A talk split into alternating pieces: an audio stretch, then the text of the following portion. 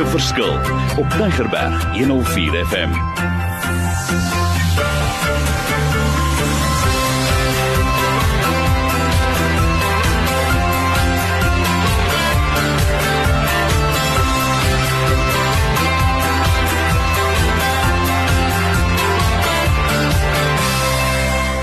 Wonderlik, my naam is Mario Denton. Ons is nog steeds en ek weer eens wil ek sê, ek wil hierdie reeks aangaan en aangaan. Dit voel of ek nog baie daaroor kan praat. Dit gaan oor karakter, maar ek wil sommer vra. Anadie, is jy 'n persoon wat daarmee saamstem? Moet ons bult wees in die lewe? Absoluut, absoluut, absoluut. Weet jy, ons het laasweek met die luisteraars gesels oor nederigheid, maar jy kan nederig wees en nog steeds bult wees. Bult is 'n baie interessante woord om na te kyk. Dit beteken om kragtig te wees in dit wat jy doen en dit wat jy sê. Die naaste wat ek kon gevind het in Afrikaans wat nou vergelyk met boldness, om durf of dapper te wees. Boldness is om die selfversekerheid, die durf te hê om dapper genoeg te wees om op te staan vir dit wat waar, reg en regverdig is. As ek aan 'n vrou in die Bybel moet dink wat ek kan vergelyk met boldness, met hierdie amazing eienskap, kan ek nie anderste as om aan Esther te dink nie. Nou net 'n bietjie agtergrond oor waar Esther alles plaasvind en hoekom ek nou vir Esther uithaal en, en as 'n voorbeeld gebruik. Esther het geleef in die seisoen waar daar 'n massamoord teen al die Jode beplan was. En wat interessant is van hierdie omstandighede is dat Esther was 'n Joodse meisie, maar sy was as koningin bekroon gewees. En daar's 'n hele boek in die Bybel Esther gaan lees hom en dan kan jy haar hele verhaal lees en sien hoe alles afgespeel het. Maar wat ek hier wil noem is dat dit juis haar man was, koning Ahasveros, wat aangedring het dat die Jode vermoor moes word. Dit was nie sy besluit gewees of sy idee gewees nie. Hy het 'n manskap gehad, Haman en Haman was geïrriteerd gewees met Ester se oom Mordegai en met 'n baie skelm manier het hy toe die koning gekry om ja te sê om al die Jode te vermoor. Nou op die ou einde en dis eintlik nou waartoe ek wil gaan, op die ou einde was Ester versoek deur haar oom om vir die Jode se lewens te gaan pleit, om na die koning te gaan en vir hom te vra om hierdie opdrag te verander. Nou as jy bietjie gaan kyk na die Joodse wet van daardie tyd, was dit teen die wet gewees vir haar om direk na die koning toe te gaan. Die koning se vorige vrou was ontkroon geweest toe sy hom net verontagsame toe hy haar geroep het. Wat nog te sê om uit jou eie uit in sy spasie in te gaan? Nou wat vir my pragtig hier is van Esther toe haar oom vir haar gevra het, gaan na die koning toe, het sy nie net onmiddellik opgetree nie, maar sy het wysheid toegepas. In plaas daarvan dat sy net gaan na die koning toe en sy gaan vra vir hom om die Jode se lewens te red, het sy vir haar oom Mordegai gevra om die Jode in Susa bymekaar te maak en saam met haar en haar drie diensmeisies vir 3 dae te vas.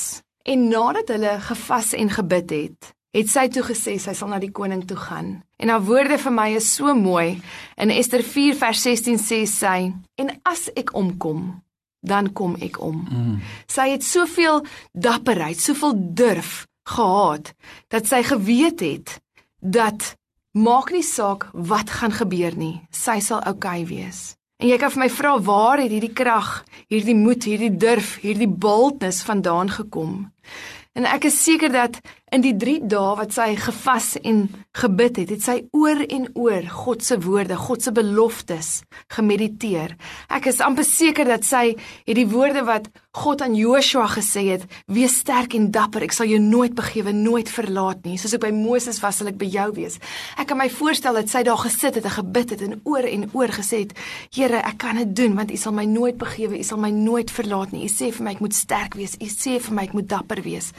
En na 3 dae toe haar geloof so gebou was, het sy hierdie boldness, hierdie selfversekerheid, hierdie krag in haar gehad om op te kan staan, na hierdie koning toe te gaan, te bid en nog steeds baie belangrik, alhoewel sy bold was, het sy nederig na hom toe hmm. gegaan.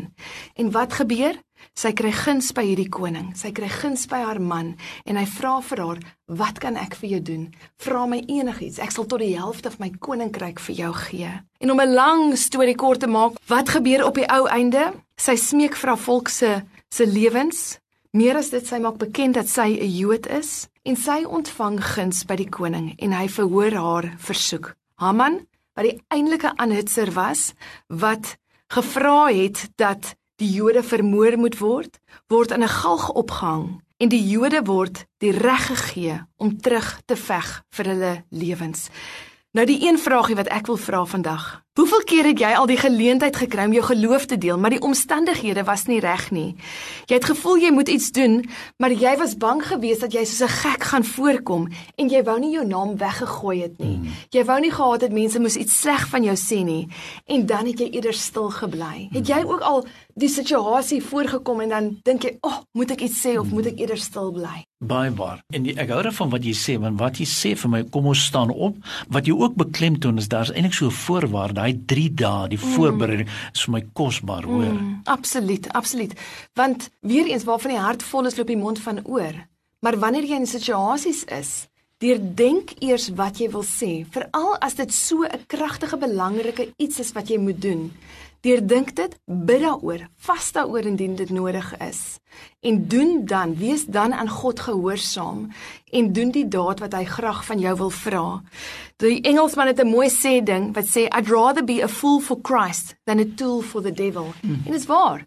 Soms sal jy 'n voorgevoel kry dat jy moet iets doen en jy weet nie is dit die Here, is dit nie die Here nie, moet ek dit doen, moet ek nie doen nie, moet ek die baldness vat? En soms vat jy mis. Maar Dalk net vandag mag jy die persoon wees wat raakvat. God het nie gevra dat ons perfek moet wees nie. Hy het gevra dat ons gewillig moet wees. Om bil te wees is belangrik dat ons in hierdie opsig die woord van God moet ken. Want wanneer jy in 'n situasie kom en jy moet iets belangrik doen of jy is dalk in 'n gevaarlike situasie, kan jy die een versie mediteer wat sê I will never leave you nor forsake you. Jy kan dit oor en oor lees en jy weet dat God jou nie sal alleen laat nie. Wanneer jy voor hierdie sogenaamde koning of oppergesag kom, weet jy jy staan nie alleen voor hom nie. En as jy omkom, kom jy om want dood is nog steeds 'n wins. Mm. Om te sterf vir God, om jou naam krater te maak vir God, gaan nog steeds 'n wins wees. Matthys herinner my altyd, dis nie wat jy sê nie, maar dit is hoe jy dit sê. Wanneer jy na hierdie oppergesag gaan, gaan in liefde, gaan met die regte gesindheid met God aan jou sy en vra dat God die woorde in jou mond moet lê en dat wanneer jy bald is, wanneer jy dapper is, jy guns sal ontvang in ander se oë. Ag, dit is so lekker. En vir ons luisteraars, hoor die gedagte hierso, don't fit in, stand out. Dis ons geleentheid om op te staan. En wat is jou verdere challenge vir ons? Ja, weet jy die uitdaging van die week? As bemoediging wil ek net sê, God's got you. He will take care of the rest. Al wat jy moet doen is om dapper genoeg te wees en ja te sê. Met ander woorde, raak hierdie week stil en mediteer skrifte wat ek seker is ek het nie bewyse daarvoor nie maar ek is hmm. seker dat Esther skrif gemediteer het in daardie 3 dae om vir haar die durf en die dapperheid te gee om na die koning toe te gaan. Daar's 3 versies wat ek vir jou kan gee en dis Joshua 1 vers 5 wat sê wees sterk en dapper. Hebreërs 13 vers 5 wat sê ek sal jou nooit begewe, jou nooit verlaat nie. En Deuteronomium 31 vers 6 wat sê wees sterk en vol moed. Wees nie bevrees nie en word nie verskrik nie, want die Here jou God is met jou oral waar jy gaan. Hy sal jou nie begewe en nie verlaat nie. Lees dit oor en oor en oor. En wanneer jy voor 'n situasie kom, kan ek jou beloof, sal daardie versies in jou in jou hart opkom en jy sal die dapperheid, die durf, die boldness kry om jou standpunt in te neem wonderlik vir ons luisteraars. Kom ons staan op gemaak 'n verskil ook daar binne die werksplek. So kom ons gaan voort met die reeks. Daar is nog so een of twee wat ons met julle wil deel. My e-mailadres is maklik, is marden@mweb.co.za en ek sal vir jou verdere inligting stuur. So, be blessed en staan sterk. Dis ons boodskap hierdie week.